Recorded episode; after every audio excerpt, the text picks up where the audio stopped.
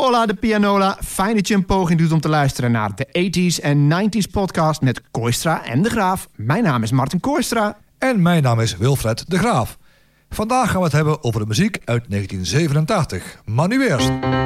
Het is niet te geloven, de tijd gaat zo vlug. Martin en Wilfred, die kijken terug. Bijzonder of boeiend, hilarisch of raar. Zomaar het nieuws, feitjes uit het jaar. Vanaf 1 januari 1987 krijgen we te maken met de zwevende sterblokken. Dat betekent dat reclame niet alleen voor en na het journaal te zien is... maar ook tussen andere programma's. En 1987 is het jaar waarin de revolutionaire antiracistische actie, ook wel bekend als RARA, van zich laat horen.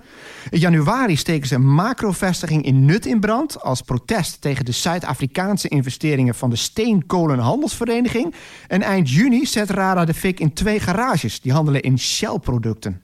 Op 6 maart kapseist de veerboot Herald of Free Enterprise voor de kust van Zeebrugge.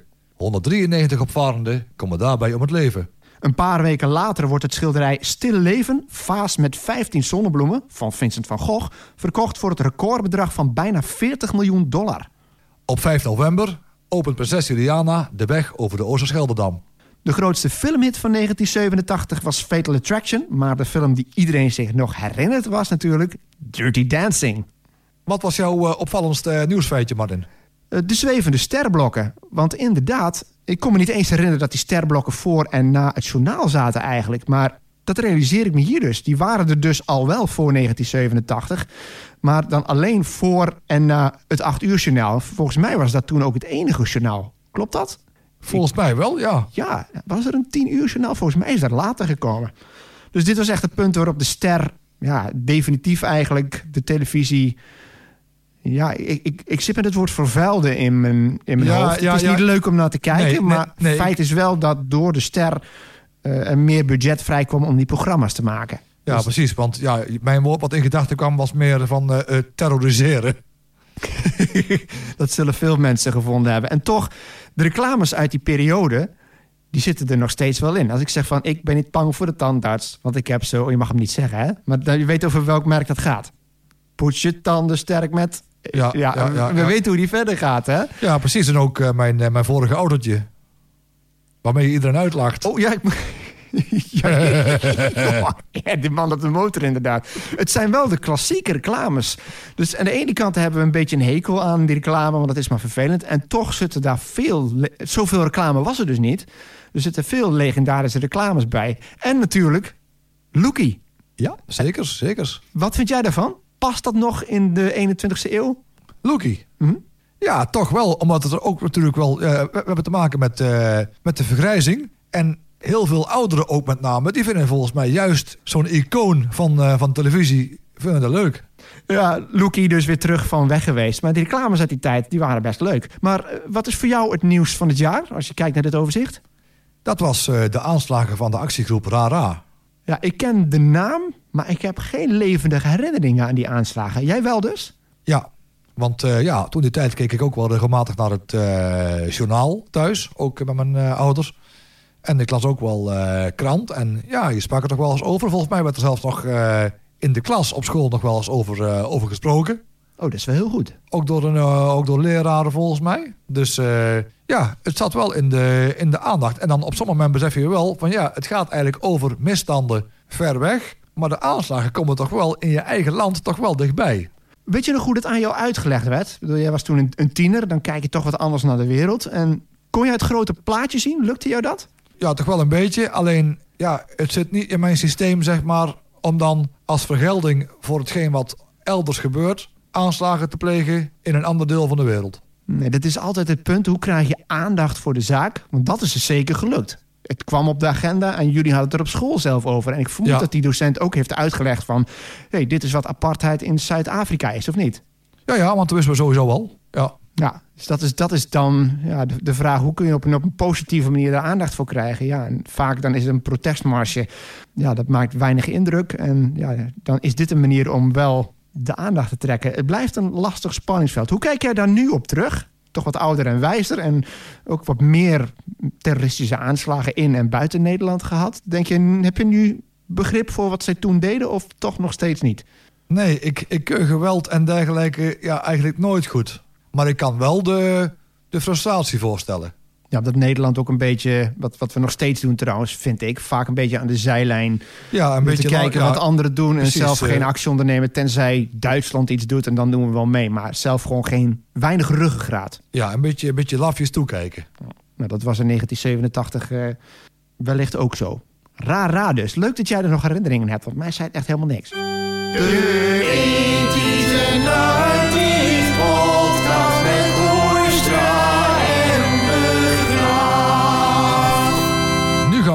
over de muziek. Hiervoor gebruiken we zoals altijd onze muziekbijbel, het Top 40 hitdossier. Wilfred en ik hebben elk vijf liedjes gekozen uit de single top 100 van 1987. En daar hebben we een top 10 van gemaakt. De nummer 1 is de grootste hit uit ons lijstje. Maar iedere top 10 begint natuurlijk met... Nummer 10.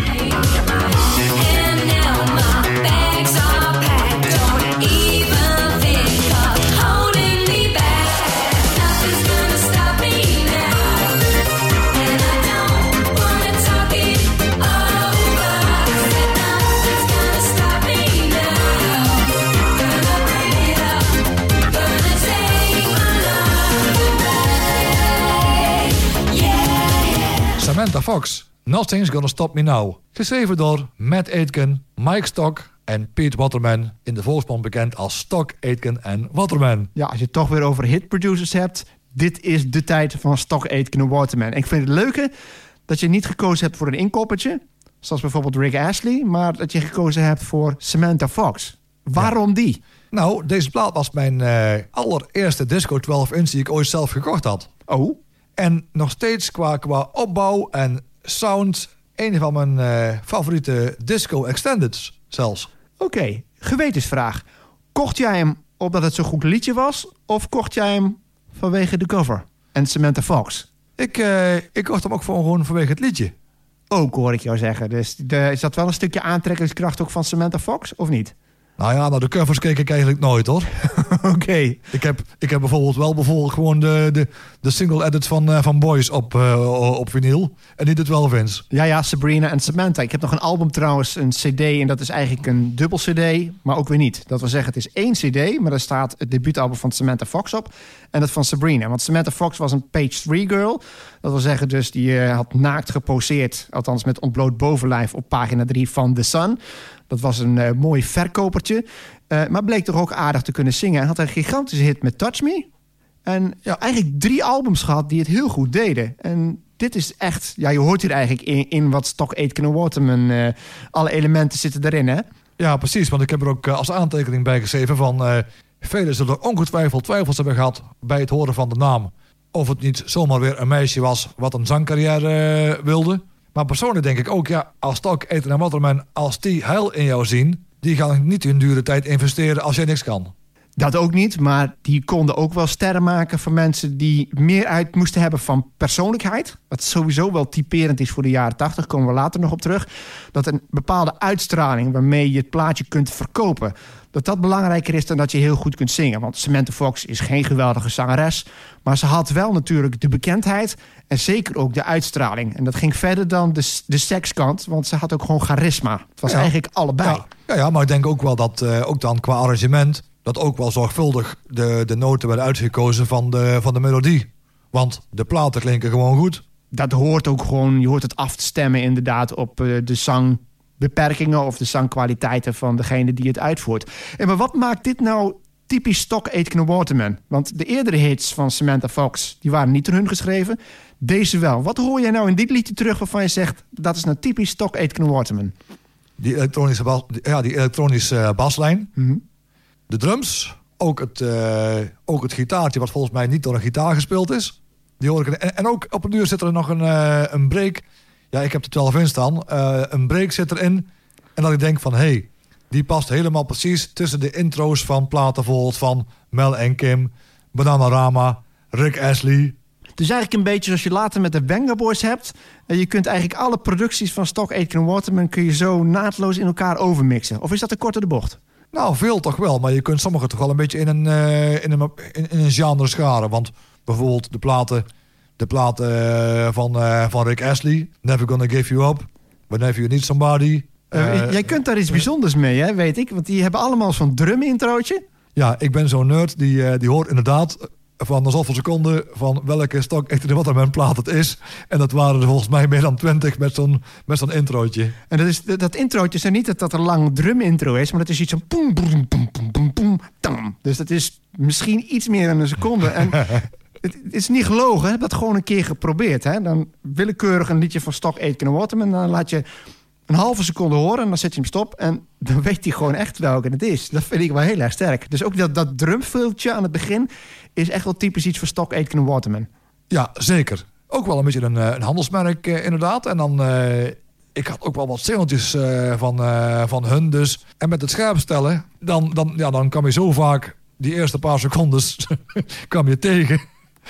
En dan kon je niet omheen. Dus ja, dat zit gewoon in je systeem. Ja, logisch. Maar dit is de eerste keer dat we het hebben over Stock Aitken en Waterman. En ik heb zo'n donkerbruin vermoeden dat het niet de laatste keer is. Nee, niet de laatste keer, maar ik denk wel over een hele korte periode. Dat zou wel eens kunnen inderdaad, ja. Maar als je kijkt gewoon naar de vrachtlading aan hits die ze hebben gehad... het klopt, heel veel grote hits in een kort tijdsbestek. Maar dit is wel een originele keuze, vind ik. Ja, heel veel mensen zijn er toch al bij van... die zeggen ja, de jaren 80 en stok, eten en wat er bent... ja, die nemen zij niet echt serieus. Ja, van die flutliedjes, die gaat nergens over. Hè, want helemaal geen stevige gitaar of helemaal echte instrumenten. Maar het leuke nog bij, eh, bij stok, eten en wat er bent dan ga je, hè, dan ga je ook als, als tiener zijn... dan ga je die, eh, die hoesjes ga je, eh, bestuderen. En dan zie je ook hè, opgenomen... en dan zie je op, op een uur staan... drums bij Lin. Ik heb tot, tot, tot, een jaar, Ja. tot, tot een jaar terug heb ik gedacht van... nou, die man die kende aardig. Wat blijkt nou? Die Lin, dat blijkt dus een drumcomputer te zijn. Ja, ik, En- ik snap de verwarring helemaal. en, en grappenmakers dat het zijn... zetten hun op zijn hoesje drums bij Lin. Ja, er is eigenlijk ja, technisch gezien niks aan gelogen. Maar ja, dit is gewoon humor. En we gaan door met... Nummer 9.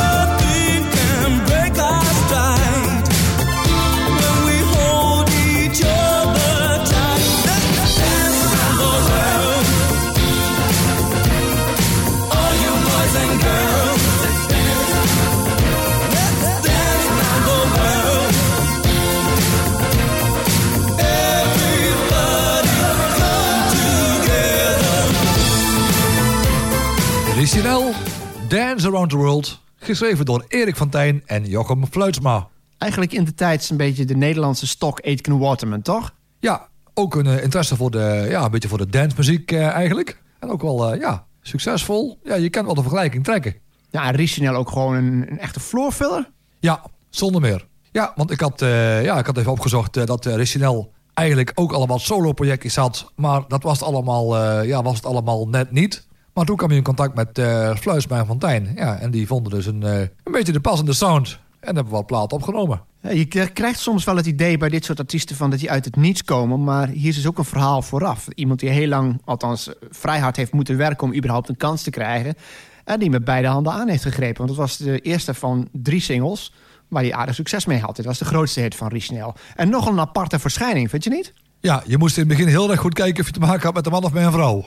Ja, dat androgyne inderdaad. Uh, lang donker haar. Ook wel een aantrekkelijke man, durf Ja. ik wel te zeggen. Ja, En ja, als je het hebt over de sound... want het gaat natuurlijk ook om de muziek. Die drums, gewoon die snoerharde... de four to the floor, de pom, tss, en die keiharde snare. Ja, dat is, ik vind dit wel een typische 80s danceplaat qua sound. ja zeker. Want eh, de opvolger ervan was ook eh, eh, Temptation. Had het ook. plaat, ja, ja, ja. En daar komt hij weer. Even die stromgeroffel. Oh jee. eh, De 12 wie inch. van de twee? De, jawel, de 12 inch versie. Dan was, je had eh, de, de Friday Night Mix en de Saturday Night Mix. En de Friday Night Mix was gemaakt door Peter Slaghuis. Oh, eh, verdorie. Ik zat met Ben Liebrand in mijn hoofd. Ik wist het moet een van die twee zijn. Maar dat is toch niet het liedje dat je dit... ge- Je hebt toch niet dit liedje gekozen omdat je weer Peter Slaghuis kunt noemen, hè? Nee, dat is eh, puur berust op toeval. Maar ik denk wel dat Peter Slaghuis wel aansluit op mijn, op mijn muzikale interesse. Ja, Richinel ook zo'n artiest die dan komt, een aantal hits heeft... en ook weer wat in de vergetelheid is geraakt. Althans, Ja, ja, na een mooi jaar dan eigenlijk weer is vertrokken. ik weet ook nooit op welke manier, op welke manier ooit een samenwerking eh, beëindigt tussen artiesten en eh, producers. Ja, het kan natuurlijk ook goed zijn dat eh, je, je zei al, die had er van alles gedaan in de muziek. En dan heb je ook wel je contacten. En we hadden het ook bij Nicole al over, hè, de vorige uitzending. ja, dat, die is ook gewoon op de achtergrond constant bezig geweest met muziek. Die is achtergrondzangeres geworden. Heel veel opgetraind. Daar gewoon zichzelf mee kunnen bedrijven, zoals het heet. En wie weet is het ook alweer met Richnel. Maar ja, lang geleden. Ik moet wel zeggen, dit is wel echt een, een, een liedje dat je meteen herkent. Ook een 80s dance party, een 80s partyplaat. Heb ik nog nooit gehoord, maar voor mij persoonlijk eh, wel, eigenlijk. Hij zou moeten kunnen. Ga je hem een keer erin gooien? Of... Oh, maar dat heb ik al wel, eh, heb ik al wel gedaan. Jazeker. Ah, Oké. En Flightsman van Tijn? Daar gaan we waarschijnlijk nog wel een keertje op terugkomen. Heb ik zo'n donkerbruin vermoeden niet? Ja, het gaat nog wel wat jaren duren, maar het gaat zeker gebeuren. Maar we zijn aangekomen bij... Nummer 8.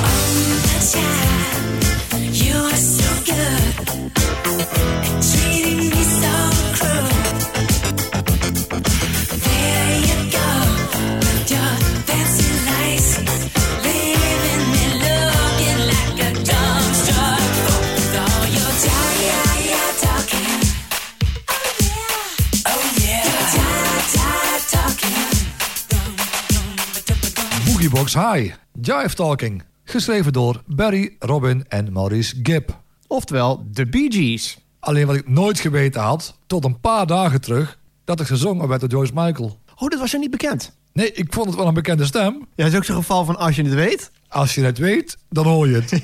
ja, klopt, ja. Dat was ook een beetje het, het idee erachter. Hè? Eh, bijzonder toch dat dit wel een hit is geworden. En je vraagt je af, wat nou als dit was uitgebracht onder de naam George Michael? Of was inderdaad toen meteen al was duidelijk gemaakt dat George Michael erachter zat? Want ook die videoclip was animatie, hè? Dus hij was Ja. niet te zien. Nee.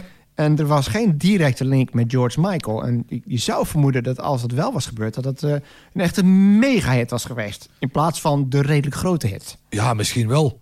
Maar ik vond het gewoon qua plaat, ja, een hele nette, een nette, eenvoudige cover. Geen, geen gekke toeters en bellen. Maar gewoon heel alles, alles heel strak.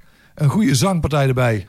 Ja, we hadden het al eerder, hebben het al sowieso al vaker gehad... over die overgang van disco naar 80s dance. En Jive Talking, dat kwam uit, komt uit 1975... en is, vind ik wel een lekkere plaat hoor... maar heeft die typische disco beat. En wat George Michael heeft gedaan in mijn ogen... heeft twee dingen toegevoegd. Of eigenlijk Boogie Box High, want hij was niet alleen natuurlijk. Hij was wel de zanger.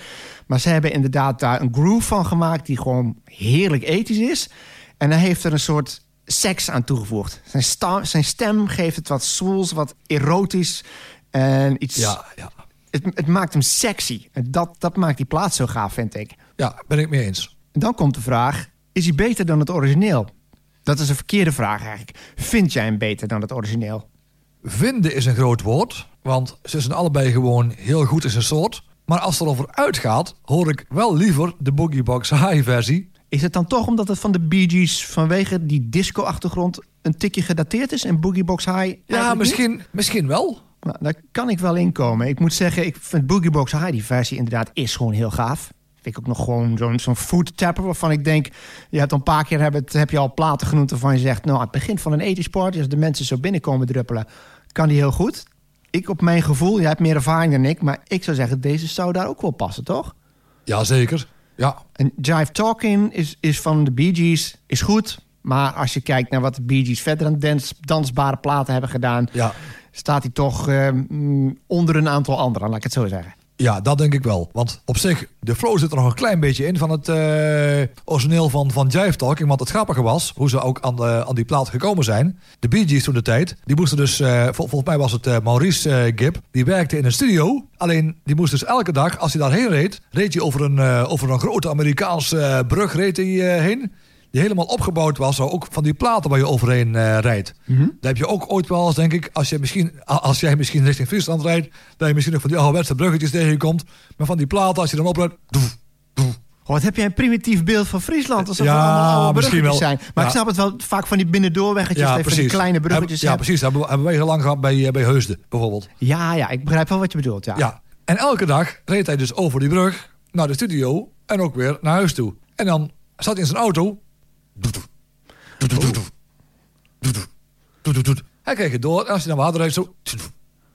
En nee, hey, this is your jive talking. Dat is een beetje het Guus Meeuwis verhaal. Ik moet meteen denken aan Kedeng. Ja, ja, dat is, dat is ook gewoon op de maat van de trein. Dat is er ook door, althans, dat is misschien een mythe hoor. Maar ik weet nog dat de ontstaansgeschiedenis achter Kedeng Kedeng ook was van... Hij zat letterlijk in de trein en het is inderdaad Kedeng Kedeng, Kedeng Kedeng dat je hoort in de trein. Maar dat wist ik niet dat dat bij deze ook was. Leuk zeg. En nogmaals, origineel en de remake, allebei topplaten. Allebei topplaten, inderdaad. Ja. Het volgende liedje graag. Nummer 7.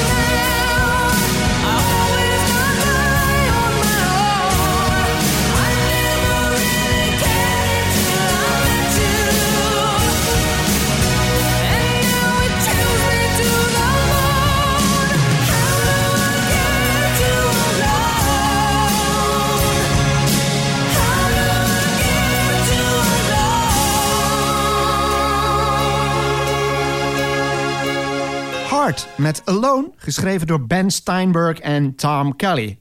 Ja, en dit is de eerste, maar zeker niet de laatste power ballad die we tegenkomen. En ja, als je dit liedje hoort, dan is dat die ene noot die op het einde zit, waar iedereen op wacht. Dat is ook als dat liedje live wordt gespeeld. Je kunt daar uiteraard live optredens van zitten, want het is een geweldige live band ook. Die ene noot op het einde, daar merk je gewoon het publiek. Dat is een beetje zoals bij I Will Always Love You, weet je wel. Dan heeft, als Whitney Houston dat zingt, dan zit er op een break. En dan weet je, daar komt die noot. En deze heeft dat ook. Die ene hoge noot, die zij ook live fantastisch weet te zingen. En dan gaat het publiek volledig uit zijn dak. Maar dit is nou typisch zo'n ballad. Het begint met een pianootje, bouwt dan op... en dan ineens komt de gitaar erin, zakt het weer in... en bouwt het naar een crescendo, gitaarsolo... en weer terug naar het einde afbouwen.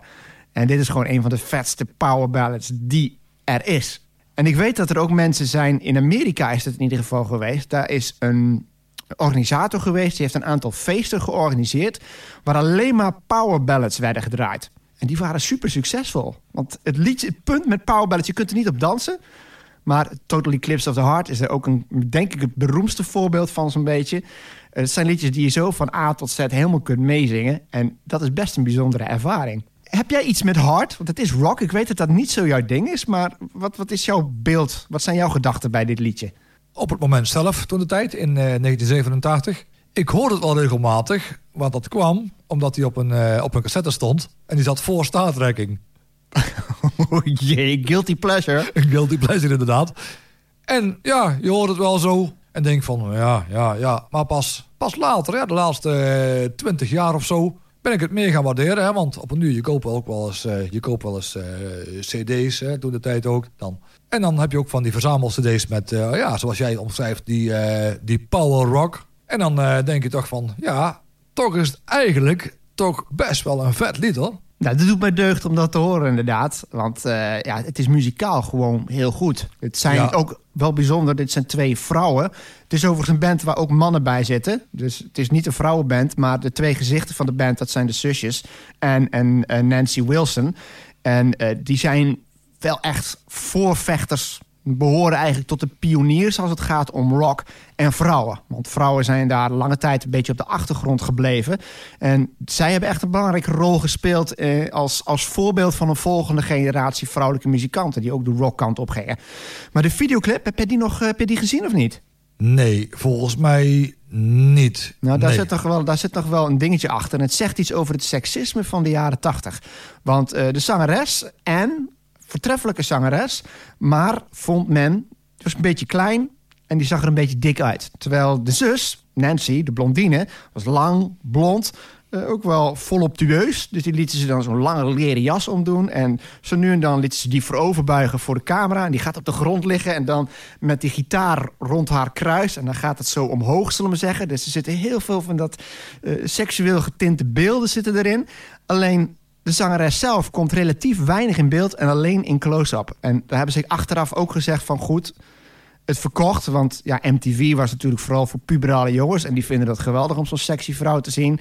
Maar het was wel zoiets van... eh, ja, je ziet er niet sexy genoeg uit, dus we wijzen je eigenlijk af. Terwijl, ja, terwijl Anne de zangeres was. Dus die videoclip... eh, Ja. Een beetje gemengde gevoelens erbij. Maar Ah, heeft er niet, niet steeds in de weg gestaan van een gigantische hit. Want dat was dit wereldwijd wel. En een klassieker. Oh, dus eigenlijk een klein beetje een, klein beetje een, eh, een voorloper zo van het, eh het Milli Vanelli verhaal. Wordt vervolgd wellicht nog, jouw Ja, kennende. ja, ja, ja, ja, ja. Spoiler alert, spoiler alert. Milli Vanilli. Ik denk, dat, ik denk wel dat het gaat gebeuren. Dat zou zomaar kunnen. We gaan lekker door met... Nummer 6. Some people they tease one another, take pride in themselves,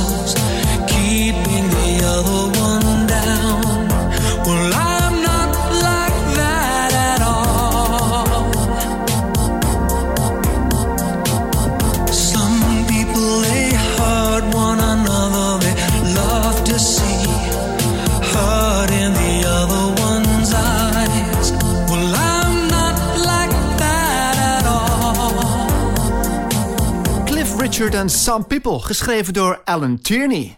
Wie had kunnen denken eigenlijk eind jaren 70 dat Cliff Richard in de jaren 80 nog een, een grote hit zou hebben? En, moet ik zeggen, een goede plaat. Goed gezongen ook. En iets wat heel goed bij zijn stem past. Want ja, Cliff Richard is begonnen als het Britse antwoord op Elvis Presley. Is toen een beetje de goeroe geworden van... Nou, dat is een beetje overdreven, maar wel... eh, hij heeft twee keer meegedaan aan het Eurovisie Songfestival. Is na Johnny Logan de meest succesvolle... want hij is één keer tweede geworden met Congratulations in 68. En in 73 is hij derde geworden met Power to All Our Friends. Heel goed liedje trouwens. En eind jaren 70 werd hij een beetje ten dode opgeschreven. En opeens was daar Comic Relief. Dat is voor uh, zijn televisie-special voor het goede doel. In de tijd dat de Young Ones groot waren. En de Young Ones, dat was vernoemd naar een liedje van Cliff Richard. En die hebben toen ook als grap, want dat was het onderdeel van die inzamelingsactie... hebben ze toen een cover gemaakt van een liedje van Cliff Richard, Living Doll. En dat liedje maakte dan de min of meer afgeschreven Cliff Richard opeens weer hip... En ineens had hij ook weer een hit. En ik vind Some People een plaat die, waarin die zachte, warme stem van hem geeft het ook weer iets, iets romantisch, ook wat zwoels, wat heel goed past bij dit liedje. Ik vind hem ook echt de jaren 80 plaat. Dus je ziet dat hij is meegegroeid naar de jaren 80. Wat vind jij?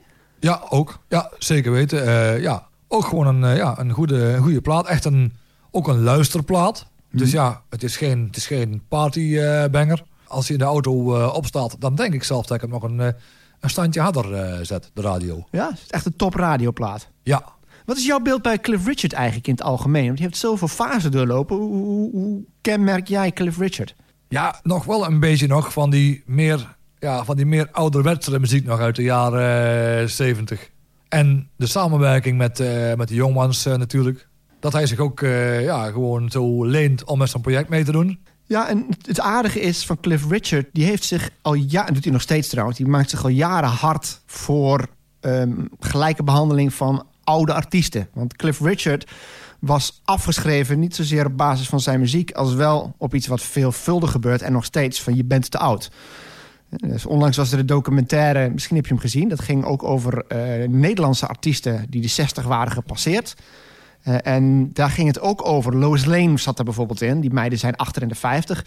En die zeiden, we hebben een dijk van een plaat gemaakt... maar ja, willen we die ergens pluggen... dan wordt van tevoren al gezegd, zonder dat er geluisterd is... oh, jullie zijn die van de jaren 80. Jullie zijn uitgerangeerd. Dus er wordt gekeken naar je leeftijd... en niet geluisterd naar de muziek. En Cliff Richard heeft zich daar altijd hard voor gemaakt. Van waarom wordt de muziek van 60-plussers eigenlijk niet serieus genomen? Dat streelt hem wel, vind ik. De muzikale nieuwsfeiten van het jaar. Natuurlijk gebeurde er ook van alles op het gebied van muziek. Dit zijn wat muzikale nieuwsfeitjes uit het jaar 1987. Het toonaangevende Britse muziektijdschrift New Musical Express roept Terence D'Arby uit tot de New Prince of Pop. Ook in Nederland doet hij het goed. Zijn tweede single Wishing Well behaalt de eerste plaats in de Nederlandse top 40. Madonna wordt de eerste vrouwelijke artiest met vier nummer 1 hits in het Verenigd Koninkrijk met La Isla Bonita. Het zal bij lange na niet haar laatste nummer 1 hit zijn. In juni schrijft Whitney Houston geschiedenis. Zij wordt de eerste vrouwelijke soloartiest wiens debuutalbum binnenkomt op de eerste plaats in de Billboard chart. I Wanna Dance With Somebody is op dat moment over de hele wereld een enorme hit. 27 juli 1987 staat in het geheugengegrift van iedere Rick Roller. Want het is de dag waarop Never Gonna Give You Up van Rick Astley wordt uitgebracht. Michael Jackson vestigt in september een wereldrecord... door in één week voor meer dan een half miljoen mensen op te treden in Wembley Stadium. En het jaar wordt afgesloten door Henk Spaan en Harry Vermegen alias de V-Boys. Koud hè wordt de eerste Nederlandstalige rapplaat die de top 20 haalt. Ik vermoed dat dit een inkoppertje is, maar eh, wat is jouw nieuwsfeitje? Koud, hè? Daar zijn ze weer. Jawel, Henk Spaan en Harry Vermegen. Ik moet gewoon toegeven, de plaat vind ik ook gewoon goed. Je kent hem ook helemaal uit je hoofd, hè? Ja, het raakt, het raakt op alle fronten raakt het ook gewoon waar het over gaat. De groove die erin zit is gewoon eh, goed. Een, eh, een, break, een break met wat eh, sample stutter. En, een, ja, en- op een uur ook een, een, een instrumentale solo. En het laatst wat ook helemaal gesampled is. En het mooie was nog dat Harry Vermegen had gezegd... want die hoorde ook ergens iets van rap... van kom jongens, daar moeten we iets mee doen. En dat hebben ze dus gedaan. En dat werd dus gewoon een, ja, een, leuke, een leuke hit eigenlijk, eh, Koud Hè. Waar ze altijd goed zijn geweest is een combinatie van satire en van de merchandise. Want het liedje, de hele tekst gaat eigenlijk over het feit dat wij Nederlanders altijd zeuren over hoe koud het is. Dus ze hebben ook onderling van die verwensingen, van die, van die verwensingen zo van... eh, neem jij die vogels in, eh, in, wat was het weer? De beeld, nog serieus? Dus het is constant gemekker over het nieuws. En je had natuurlijk in de tijd ook de beroemde mutjes, hè? De koudhaarmutjes. Mijn vader had er eentje. Jawel, jawel. In het mooie geel en blauw. Ja, en, en daar waren ze wel meesterlijk in om dat ook uit te buiten. Want eh, later heb je ook nog de, bij de Elfstedentocht of bij de, bij de Nieuwjaarsduik. Daar had je weer van een, een worstenmerk, zullen we maar zeggen, had je ook weer Ja. mutjes. Die hebben dat afgekeken, denk ik, van, van Spaan Ja. en Vermegen. Ja, maar hun waren ook gewoon heel goed in one-liners. Want op straat, ja, iedereen riep naar elkaar... Koud, hè? en ook bijvoorbeeld kopje koffie, glazen wasser. Nou, dat va- sluit niet af. Ja, ja, precies. Dat? Ja, precies. Ik wil zeggen, in de jaren 80 denk ik, als je als, eh als glazenwasser aan, aan het werk was... Nou, als je voor elke keer dat je dan toegeroepen kreeg van... kopje koffie, glazenwasser, een gulden kreeg... dan was je waarschijnlijk al, eh al vroegtijdig bij pensioen. Ja. En koud, hè, het is natuurlijk een heel gewoon zinnetje. Maar als iemand het zegt met een, een beetje eh, sardonische stem, zo koud hè, denk je gelijk inderdaad aan, eh, aan Spaan en Vermegen. Ja, en het werd nog een beetje nog... ja, de, ja, de bekroning op het werk was eigenlijk van koud, hè. Dat was eigenlijk tijdens de, tijdens de Olympische Spelen van eh, 1988... had Yvonne van Gennep een hele muts op. Waar stond dan? Goud, hè? ja, ja, ja, ja, ja. Dat was overigens ook nog wel een aardige prestatie. Maar Yvonne van Gennep, we komen in 1988 wellicht nog op terug, ja. Hey, eh, wat mij betreft, ik vind het altijd goed dat wij de clichés proberen een beetje te vermijden. Dus eh, we gaan het aan zich niet hebben over Never Gonna Give You Up. Dat is te veel een inkoppertje. Maar hier wordt hij genoemd. Ik vind toch dat we Rick Ashley niet volledig kunnen negeren. Vooral omdat de Rickroll nog steeds een fenomeen is. En ik heb lange tijd niet geweten wat een Rickroll was. Weet jij het? Ja, dan eh, word je eigenlijk eh, heel erg eh, nieuwsgierig gemaakt... voor een, een itempje of voor een, of voor een liedje of zo. En dan, en dan klik je erop en denk je... nou komt-ie. En wat krijg je dan? Never gonna give you up. Never gonna let you down. en hoe dit nou een fenomeen is geworden, dat weet ik niet. Maar ik weet wel dat Rick Ashley daardoor gewoon ineens weer volop in het nieuws was. En die, kon, die, ja, die genoot er ook al van. Die vond dat gewoon leuk. We hebben hem samen gezien. En hoe, de- en hoe hij dan gewoon een persiflage van zichzelf op het podium neerzet met die liedjes. Rick Astley, die eh, vond ik trouwens wel wat onderschat. Ik vond zijn, het album dat hij solo maakte, althans zonder Aitken en Waterman, daar werd hij een beetje afgeschreven. Maar zo'n liedje als Cry for Help vind ik helemaal zo slecht nog niet. Alleen die, die lange haren, denk ik dan, ik weet het niet. Maar ja, Rick Astley, als je het toch over de jaren tachtig hebt, die, die, die, mag je gewoon niet... Je moet hem genoemd hebben. And Never Gonna Give You Up, we gaan hem niet uitgebreid bespreken. Maar de Rickroll, één ding kunnen we zeggen, 35 jaar na dato... Rick Astley is live en kick-in. Zeker weten. De muzikale nieuwsfeiten van het jaar. En we gaan weer terug naar onze muzikale top 10 van 1987. Dit is... Nummer 5.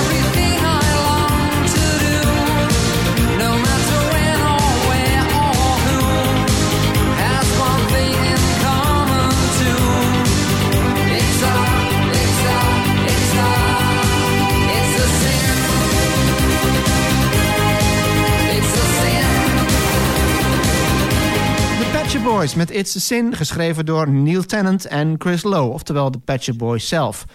En ik vond al voordat wij hier aan begonnen, Shop Boys, we hebben ze live gezien trouwens ook nog, maar daarover zo meer. Pet Shop Boys is gewoon een van de, van de artiesten ook van de jaren 80 en jaren 90 natuurlijk. En ze hebben zoveel vette hits gehad, maar dit is zeker nu, want we nog redelijk recente serie It's a Sin, is dit gewoon weer een gigantische hit geworden. En denk ik dat dit misschien wat liedje is wat ze weer bij een nieuwe generatie bekend maakt.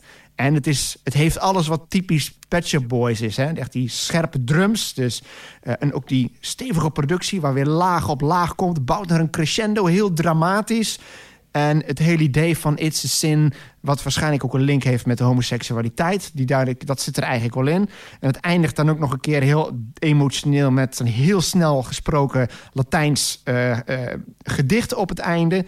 Eh, het is gewoon dramatiek, melodrama omgezet in muziek. En dit is gewoon wel een van de grootste en ik denk meest beklijvende hits van de Shop Boys, toch? Ja, vanaf begin af aan meteen de energie erin. En waar je zegt, die laagjes, de, de, de fijne sound. ja, ik vond het helemaal eh, mooi. En om een beetje in, jouw eh, in jouw vraagstelling te blijven van het, het draaien. Ik heb die regelmatig gedraaid toen ik in een, in een game-minded eh, clubje draaide. En daar werd het toch altijd heel goed ontvangen. Zo. Dan, want je hebt wel eens, ja, mensen vragen een plaat aan. En denk ik, ja, de enige die het mooi vindt, is die persoon zelf. Maar eh, nee, ook gewoon een, eh, een regelrechte eh, floor. Waar ik ook met, mijn, met mijn lichtinstallatie die daar hing. Dat ik ook helemaal, ook helemaal los kon met, met scans en pars en, en stroboscopen, lasers, alles. Ja, hij duurt ook, als ik me niet vergis, want ik heb hem op single gehad, duurt hij 4 minuten 51. Wat heel lang is voor een single. Ja, dat wel, maar ik vind hem geen, ja, ik vind hem geen seconde vervelen. Nee, maar het is wel zoiets van, je kunt de single-versie opzetten... en dan heb je even een beetje rust als, eh, als discjockey. Maar is het de enige, want je zei een beetje een game-minded club... en Shop Boys wordt toch wel gelinkt ook aan de gay scene. Is dat uit die periode jaren 80 en jaren 90... is It's a Sin, zeg maar, de, de enige plaat van de Shop Boys... die je in, in zo'n club zou kunnen draaien?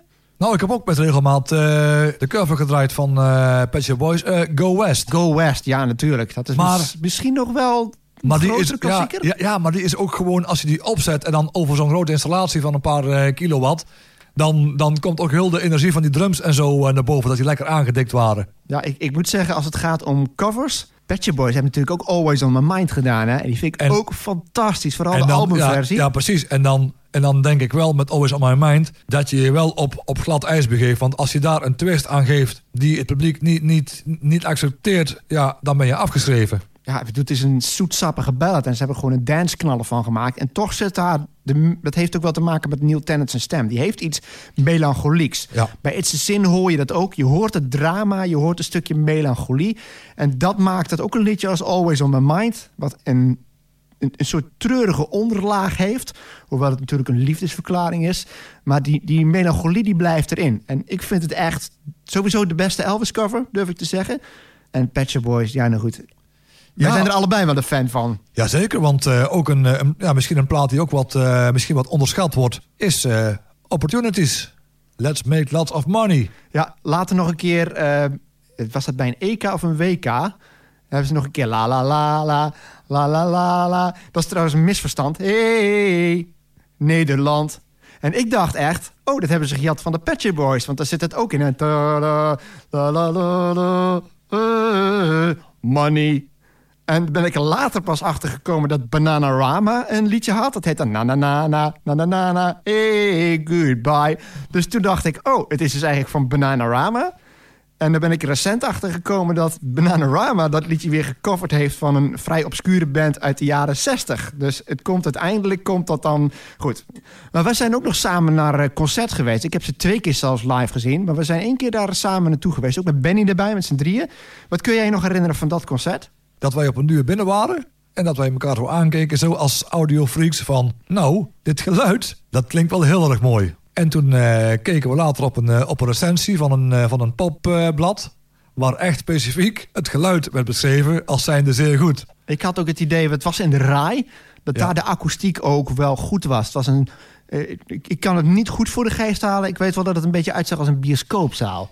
Dus het was Ja. niet zoals bijvoorbeeld ehm, de Heineken Music Hall. eh, heet tegenwoordig AA, of iets met een ASA geloof ik of zoiets. Die namen veranderen allemaal, maar iedereen weet wat ik bedoel. En Ahoy en zo, dat zijn meer van die grote speelpaleizen. ik moet ineens aan Tippy Doe denken, dat bedoel ik niet. Maar het zijn van die, van die, van die grote hallen waar dan muziek gemaakt wordt. En de RAI daar lijkt echt, net zoals een beetje jouw studio hier... dat er alles aan gedaan is om te zorgen dat het geluid zo goed mogelijk naar voren komt. En dat vind Ja. ik toch wel een vereiste. Daarom zie ik ook liever concerten in wat kleinere zalen. Ja. En dit was wat dat betreft, maar ook gewoon qua, qua beleving en qua show... is het wel een van de vetste concerten die ik gezien heb. Ja, want ze waren nog heel, eh, heel veel bezig met, eh, met, van die, met van die visuals eh, op de achtergrond. En op een uur werd ook gewoon, het kon zitten, het kon staan. Dat er op een uur ook gewoon een beetje zo opgeroepen werd van... jongens, kom lekker naar voren toe, even feest maken. Nou, volgens mij was het andersom. Ik weet nog wat hij zei, dat zal ik nooit vergeten. Eh, ze speelde op een gegeven moment eh, eh, Minimal. M-I-N-A-M-A-L. Minimal. En toen stond een aantal mensen stonden op van hun stoel en die gingen naar voren. En toen zei Neil Tennant, die zei van... oké, we'll continue now. Perhaps a little less civilized. een beetje minder beschaafd. Waarbij ik de indruk had dat hij eigenlijk liever had gehad... dat de mensen bleven zitten. Wat wel opvallend is, want ja, Pet Shop Boys is pure dancemuziek natuurlijk. En je zou denken, dan wil je toch graag dat mensen gaan dansen. Dus het was sowieso wel bijzonder dat zij in een theater speelden met zitplaatsen. Ik heb ze trouwens nog een keer gezien, nog niet zo lang geleden. Dat was naar aanleiding van een album Super uit 2015, als ik me niet vergis. Dat ben ik bij mijn zus geweest in 013. En ja, dat is het mooie. Die, die, die gasten die, die gaan gewoon mee met hun tijd. Dat was visueel zo'n fantastische show. Dat ik echt denk, die lopen gewoon, die blijven gewoon altijd de concurrentie en de nieuwe generatie een klein stapje voor. En het leuke was, ken je die punthoeden nog? In de tijd van, van Very, in de tijd van eh, Go West. Want daarvoor hadden ze van die hele hoge hoeden. Er liepen Ja. gewoon gasten rond met de brillen en met die hoeden. Dus je ziet dat zij ook gewoon het gebied van kostuums... dat zij een je enorme invloed goed. hebben gehad. Ja, ja. Shop doe- Boys, als je ze een keer live kunt zien... ook al lopen die al... Dit is een typisch geval van... oké, ze lopen al bijna 40 jaar mee. Eh, ruim 35 jaar moet ik zeggen. Maar die gasten die doen nog steeds met iedereen mee. Die zijn altijd iedereen een stapje voor. Gaat dat zien als je die kans krijgt. Shop Boys. En door met... Nummer 4.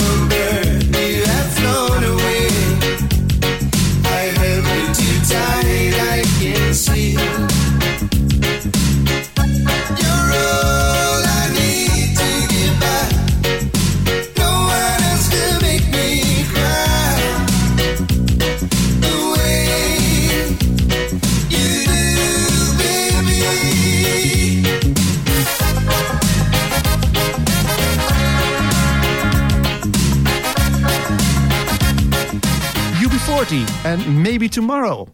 Ja, dit is nou zo'n apart verhaal. Want eh, UB40 kennen we vooral van de covers. Hè? Als je denkt aan hun grootste hits, nou ja, dan denk ik dat je Red Red Wine bedenkt en I Got You Babe.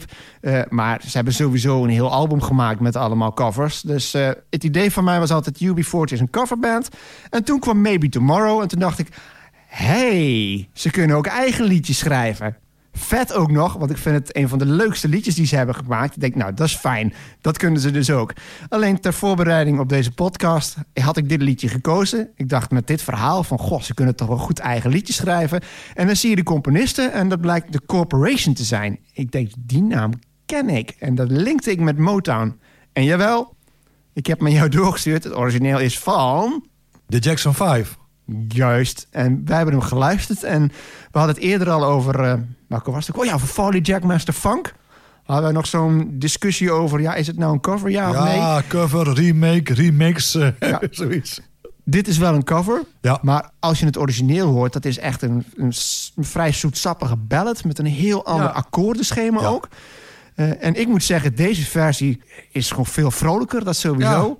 En heeft zo'n heerlijke groove. En ik vind hem eh, echt een geval van... de cover is aanzienlijk beter dan het origineel. Ja, ik vind dat eh UB40 de kunst verstaat van het, eh, het toegankelijk maken van oudere songs. En dan op zo'n manier dat het ook echt gewoon, ja, in mijn ogen ook verbetering is. Ja, UB40 hebben echt de reggae commercieel weten te maken. Als je denkt aan reggae, prima, Bob Marley, natuurlijk grote invloed. Maar als je kijkt puur naar de, de populariteit van reggae... denk je dat Bob Marley nu niet zo populair was geweest zonder UB40. Of ga ik er verder in? Ja, ik zeg het en ik begin is, al te twijfelen. Het is een beetje een grijs gebied, alleen ja, je weet ook hoe het gaat. Eh, de echte diehard eh reggae-fans, ja, die vinden UB40 geen reggae. Nee? Maar wij vinden het gewoon mooie muziek. Ja, je hebt inderdaad de diehards, ja. Terwijl eh, het is wel een multiculturele groep. Dat scheelt ook wel. Het is vaak het idee van het is weer Jamaicaanse muziek... en dan gaan blanke Britten die gaan er weer mee aan de haal. Terwijl het punt juist is dat die mannen van UB40... die kwamen uit een wijk waar heel veel verschillende culturen wonen... en waar dus heel veel Jamaicaanse muziek gedraaid werd. Dus voor hun was dat gewoon de muziek uit hun wijk. En niet Jamaicaanse muziek. Er wonen gewoon veel van Jamaicanen bij hun in de wijk. Maar ik vind het vet aan dit liedje is... het knalt er gewoon in, weet je wel. Meteen komen die blazers erin en het is los. Dat vind ik zo gaaf. En we zijn aangekomen bij de top 3. Nummer 3.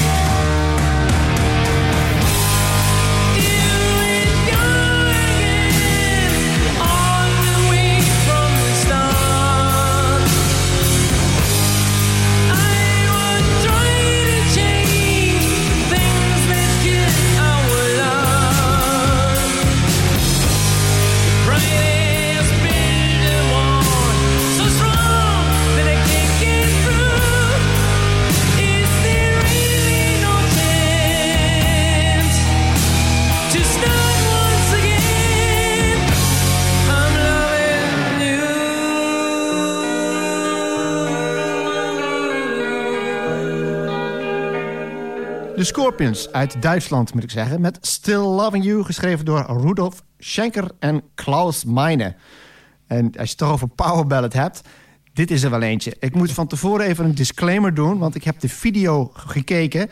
en ik heb een versie, en dat is de oorspronkelijke versie... die is vijf minuten nog wat. En de kracht van dit liedje is niet alleen dat het opbouwt... want het begint met alleen een gitaar, heel dramatisch ook... En dan komt die zang erbij en dan bouwt het op. Komt er zo'n zo'n weemoedige gitaarsolo die dan toeleidt naar dat crescendo van het refrein. Maar in de versie die ik heb, krijg je aan het einde, als het helemaal losgaat, zakt het weer in. En dan bouwt het opnieuw op. En dan krijg je pas die solo. De singleversie van 3,5 minuut, die doet dat stapje terug niet. Dat is alleen maar opbouwen, opbouwen naar een crescendo en daar blijft het hangen. En het is juist die afwisseling van heel hoog in één keer weer terug. Dat vind ik het mooiste moment van dat hele liedje. Dus als je dit liedje gaat naluisteren, pak de versie van 5 minuten 51 of zoiets. En niet die van 3 minuten 46. Die is echt veel zwakker en doet het origineel geen recht aan. Is dit iets voor jou? Luister jij, want ja, je hebt hier over het algemeen niet zoveel mee, maar wat vind je van dit liedje? Ja, ook eh, ja, een goede, een goede power ballad. Want eh, ja, ik herinner me keer weer een, eh, eventjes een stuk nostalgie. Dat was namelijk toen ik radio maakte op, op een dinsdagavond tussen 7 en 9. Dat na mij zat een programma. Dat was dan eh, met eh, allemaal eh, ja, een soort van balladprogramma. Op met, met love songs en zo en ook wel als power ballads. En daar werd deze plaat ook wel eens geregeld gedraaid. Ah, kan ik me heel goed voorstellen. Ik vind het een van de mooiste platen uit die periode. Ik kan niet anders zeggen. Steengoede platen. Zo anders. En wat ook wel bijzonder is, Scorpions niet te verwarren met de Britse Scorpions trouwens, die Hello Josephine ergens in 1970 hadden uitgebracht. Maar deze mannen die waren ook al gewoon al sinds jaar 1970 aan de weg aan het timmeren. En dit was eigenlijk dan bij het grote publiek een grote doorbraak. Hoewel ze begin jaren 80 al niet hadden gehad met Rock You Like a Hurricane, die ieder rocker ook wel kent. En als je die videoclip kijkt, is wel grappig. Het viel mij nou pas op, want ik ben ook wat meer bekend geworden met Ronnie James Dio. En ik zie nou de zanger van, van de Scorpions erin. Ik denk, dat is net Ronnie James Dio. En dan zie je de gitarist, dat is wel grappig. Dat is bijna een cliché. Met zo'n strakke witte broek. Met rode verticale strepen. eh, een t-shirt met afgescheurde mouwen. En zo'n gitaar met alleen maar gehoekte... Met allemaal van die hoeken daarin. Dus echt zo'n typische... Ja, bijna zo'n persiflage-achtige uiterlijk hebben ze dan. Maar dit liedje is zo mooi gezongen. En dit is echt een brok in de keel liedje. Van ik denk, ja, als je toch een powerballad gaat draaien feest... in vredesnaam, op een feest... überhaupt gaat draaien, pak deze. Maar nu zeg ik misschien iets, eh, misschien iets geks, hè? maar zou je ook een beetje in een rijtje kunnen scharen met, eh, met Burning Heart van eh Vandenberg? Nou, Burning Heart is geen ballad. Nee, van This Burning. Oh, sorry, ja, natuurlijk. Ja, je hebt gelijk. Ik, ik, ik, Burning Heart, dan denk ik eerst aan Survivor. Survivor, ja, ja, ja, ja. Ja, ik vind het ook wel wat hebben van Stairway to Heaven. Ja. Omdat dat die opbouw heeft. Burning Heart is inderdaad ook eentje dat begint met alleen een akoestische gitaar. Dus ook heel klein. En bouwt dan op. Ja, dat is een goede vergelijking. Als we het toch hebben over Nederlandse power ballads. Vandenberg. Even een shoutje naar Vandenberg. Daar kan ik zeer goed mee leven. En er zijn al mijn vijf liedjes achter elkaar geweest. En daarmee zijn we bijna toegekomen aan onze nummer 1. Nummer 2.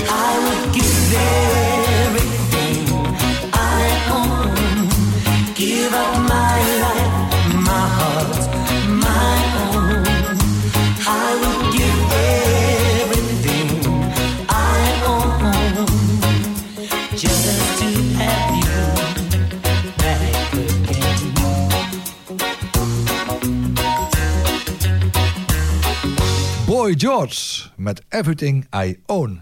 Geschreven door David Gates. Alweer een reggae cover. Ja, alweer een, eh, een reggae cover. Maar ik vind het in geen geval lijken op eh UB40. Andere sounds, andere klank en ook qua, qua vocals vind ik het geen, eh, geen gelijkenis hebben. Ja, Maybe Tomorrow heeft, is meer up-tempo. Is een stukje sneller ook. Dat Ja. lijkt meer geschreven voor de dansvloer. En Everything I Own is wat, eh, wat, wat relaxter. Meer laid back, toch? En wat minder elektronisch klinkt het ook. Ik vind bij UB40 dan hoor je toch wel de gecompu- gecomputeriseerde drums. En dat heb je hier niet. Ja, UB40 klinkt wat, eh, ja, hoe zeggen ze dat? Eh, het klinkt wat, ja, gelikter. Ja, ge- gekunsteld. Mm, het is niet negatief, toch? Nee, nee, daar zijn misschien de producers gewoon langer aan het werk geweest... om er helemaal zo'n zo'n gladde sound te geven. Ja, Ik heb het origineel geluisterd. Jij ook, hè? Ja, Want dat wist ik ook niet eigenlijk. Ik ben gewoon eens gaan kijken naar... eh, ja, want het was eigenlijk omdat ik zag dat Maybe Tomorrow een cover was... dacht ik, zou Everything I Own ook een cover zijn? En jawel. Het is oorspronkelijk van Brad. En die ken ik alleen van een heel zoetsappig liedje... dat echt zo'n candlelight liedje is. If. Ik ga het niet proberen te zingen, maar luister maar eens naar. De kans is vrij groot dat je hem kent. En het is totaal iets anders dan dit liedje. En deze update, ik moet zeggen... hij is inderdaad leuk, die versie van Boy George. Ja, ook gewoon door de, door de emotie die Boy George met zijn stem in het nummer legt. Ja, wat ik het knappe vind aan Boy George is... hij is geen geweldige zanger. Het kan ermee door, zullen we maar zeggen. Ja. Dat is wel een beetje jaren tachtig, maar het gaat vaak om persoonlijkheid. Madonna is ook geen grootste zangeres...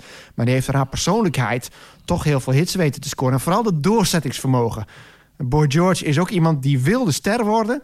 Die is begonnen als, althans, die heeft zijn debuut op televisie gemaakt als danser eh, bij Top of the Pops. Dan was hij meteen al de opvallende verschijning die hij begin jaren tachtig was. Heeft vervolgens een imago zichzelf aangemeten, waarmee hij wist gewoon, daar krijg ik publiciteit mee. En die band, dat moet gezegd worden, ja, alleen een bijzonder uiterlijk is niet voldoende. Een liedje als Karma Chameleon, bedoel, een jaren tachtig feest zonder Karma Chameleon, kan dat? Het is, dat is echt zo'n plaat waarvan ik denk, ja, dat, dat, is, dat is een steengoede jaren tachtig plaat. En Ja. Do You Really Want To Hurt Me? Ja, lekker fris. Ja, mooie sound. Dus de muziek is gewoon heel goed. Ja, En Boy George had hier een beetje het overgang gemaakt naar dat, dat androgyne. Met eh, de, het hele groot overdosis make-up. Die, die uit- uitbundige kleding en die hoge hoed en de lange haren. En hier was hij wat conventioneler. Maar zat altijd nog een beetje op die scheidslijn van... is het een boy of is het eigenlijk een girl? Dat heeft hij bewust ook in stand gehouden. Hè? ja. En eh, ja, ik ga het weer een keer zeggen. Ik heb eh, nog even wat, eh, even wat, eh, wat playlistjes nagekeken. En, en, moest, en ja, deze plaat van Everything I Own van Boy George... die zit zelfs in de jaarmix 1987 van Peter Slaghuis. Jeetje, daar, daar moet hij ook wel helemaal aan het begin zitten, zou ik zeggen. Want Sledgehammer hadden we het eerder over. Die zit helemaal aan het begin van 1986. Ja. En die is volgens mij ietsje sneller nog dan Everything I Own. Maar die was van Ben Liebrand. Oh ja, oké. die, die mix. Maar bij Peter Slaghuis, dus de mix van de, van de Bond van Doorstaters... staat hij ook inderdaad wel vrij aan het begin. Ja, het moet ook wel. Ook wel een leuke plaat, want zoveel van dit soort platen had je eigenlijk niet. Nee, ja, jij had een ja. UB40, maar dit is echt een... Alleen, ja, het was wel zo dat er alleen maar het intro daarvan in zat. Ja, tun, tun, tun. Dus Ja, het, de zang zat er al niet meer in? nee. Oké, dat is wel strak geknipt dan, want het begint in een opmaat, hè? Ja, En goed dat we het ook over Boy George hebben gehad. Want als je het toch hebt over cultuuriconen van de jaren 80...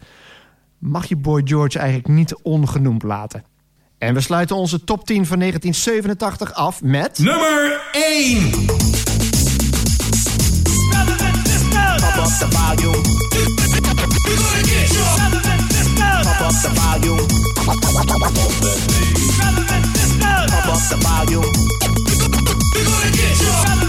Pump up the volume.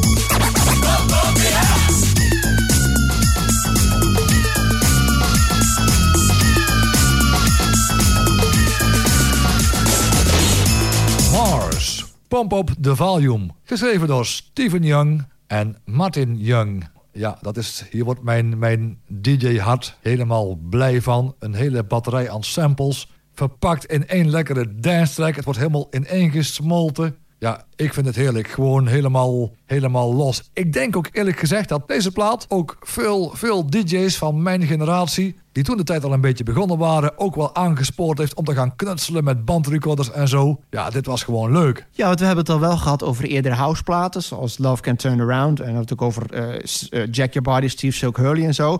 Maar de eerste die echt gewoon een mega-hit werd... Bedoel, dit is onze nummer 1, dus die stond echt hoog in... Op welke plaats stond hij weer? Nummer 10. nummer 10 in die, in die jaarlijst. Dus dit is eigenlijk de eerste houseplaat die echt de hitlijst domineerde. Dus dit is denk ik wel de definitieve doorbraak geweest in Nederland. Ja, dat denk ik, eh, dat denk ik wel. Want later, ik denk gebaseerd erop... kwamen op bijvoorbeeld, die platen van eh L.A. Mix. eh, Check This Out. Ja, Flim Flam. Flim Beste Flam. joint mix. Beste jo- met overigens ook een hele goede B-kant. Ja, Don't Look Into The Future heb ik ook de single van inderdaad. Zo, ja, dat- nu moet ik even bijkomen. Ja? ja, ik vind hem ja, leuk. Nou, ik moet zeggen, het is wel zo'n obscuur plaat. Ik denk dat ja, de kenners, dat als die me horen, dat die denken... eh, ja, maar flim-flam, zegt de meeste mensen helemaal niks. Dus het is leuk dat we dat gemeen hebben. Ja, maar over, eh, hier over, eh, over Mars gesproken en ook ja, dat, waar een hele batterij samples in zit. Eh, op de website hoesampled.com kun je ook gewoon de samples terugvinden. En ook dat er staat van sample appears at. Dat je kunt eh, horen wanneer die komt. En je hebt nou een A4'tje met alle samples die erin zitten, of niet? Nee, dit is gewoon mijn, eh, dit zijn gewoon mijn, mijn aantekeningen zijn dit. Maar als ik er bijvoorbeeld kijk, de makers ervan, dus de mannen van Mars, het is heel makkelijk zeg maar om een sample te pakken van het begin van een plaat. Hè? Ik noem maar iets. stel je hebt Nasty van eh, Janet Jackson. Give me a beat. Ja, Give Me A Beat, dat is heel voor de hand liggend, want Ja. je, je kent het intro. Maar op een duur, dan ga je kijken, er zit een, eh, een sample in van James Brown. Super bad. En dan, de- en dan hoor ik op een duur waar in de plaat de sample eigenlijk zit. In de plaat van James Brown. En denk ik van, goh, het kan niet anders. Die mannen hebben ook heel die platen van James Brown helemaal van voor tot eind beluisterd. Dus het is niet even van de domme disjockey die even een stukje ergens vandaan had. Want het is echt een, een, een meesterlijke puzzel. Ja, dat niet alleen. Er zit ook veel variatie in. Er zit ook wereldmuziek in. Je hebt dat stukje waar, ik weet niet wat voor zang het is, maar dat klinkt een beetje Arabisch. Dit een beetje denken aan Overhazen. Er zat nog iets bij, volgens mij, wat eh, iets te maken had met, eh, met jungle, eh, volgens mij. Ja, dus er zit ook echt een variatie aan klanken in.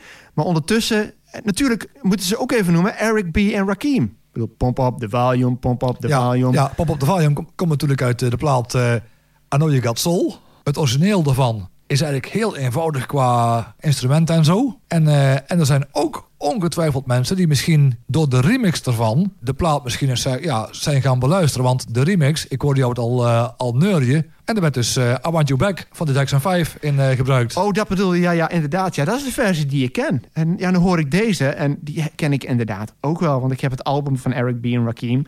Alleen, ik heb de versie van I Know You Got Soul, de remix... die dus in Nederland overigens niet verder is gekomen naar de tipparade... heb ik vaker gehoord. Maar dat is inderdaad met I Want You Back, ja. Ik denk alleen Mars, eh, een beetje samen met Pump Up The Jam... denk ik misschien wel de houseplaat van de jaren 80.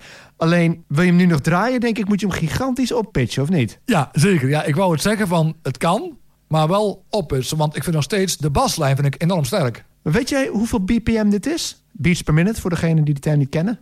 Wat schat, schat jij zo? Ik schat zelfs nog een klein beetje onder de 120. Maar heb je deze gedraaid? Wel eens eh, op, op dancefeest in de jaren 90? Lukte dat nog? Kon je hem daar genoeg voor oppitchen? En klonk hij dan eigenlijk ook nog fatsoenlijk? Nee, ik heb hem niet eh, gedraaid. Ik heb hem wel eh, vaak genoeg nog wel eens gedraaid als, eh, als uuropener bij je danceprogramma op eh, diverse stations. Als classic, als het ware.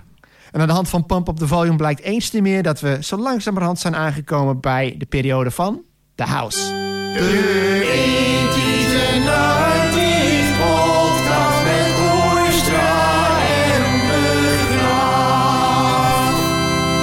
daarmee zijn we aan het einde gekomen van deze podcast. Fijn dat je wilde luisteren. Houdoe! En bedankt.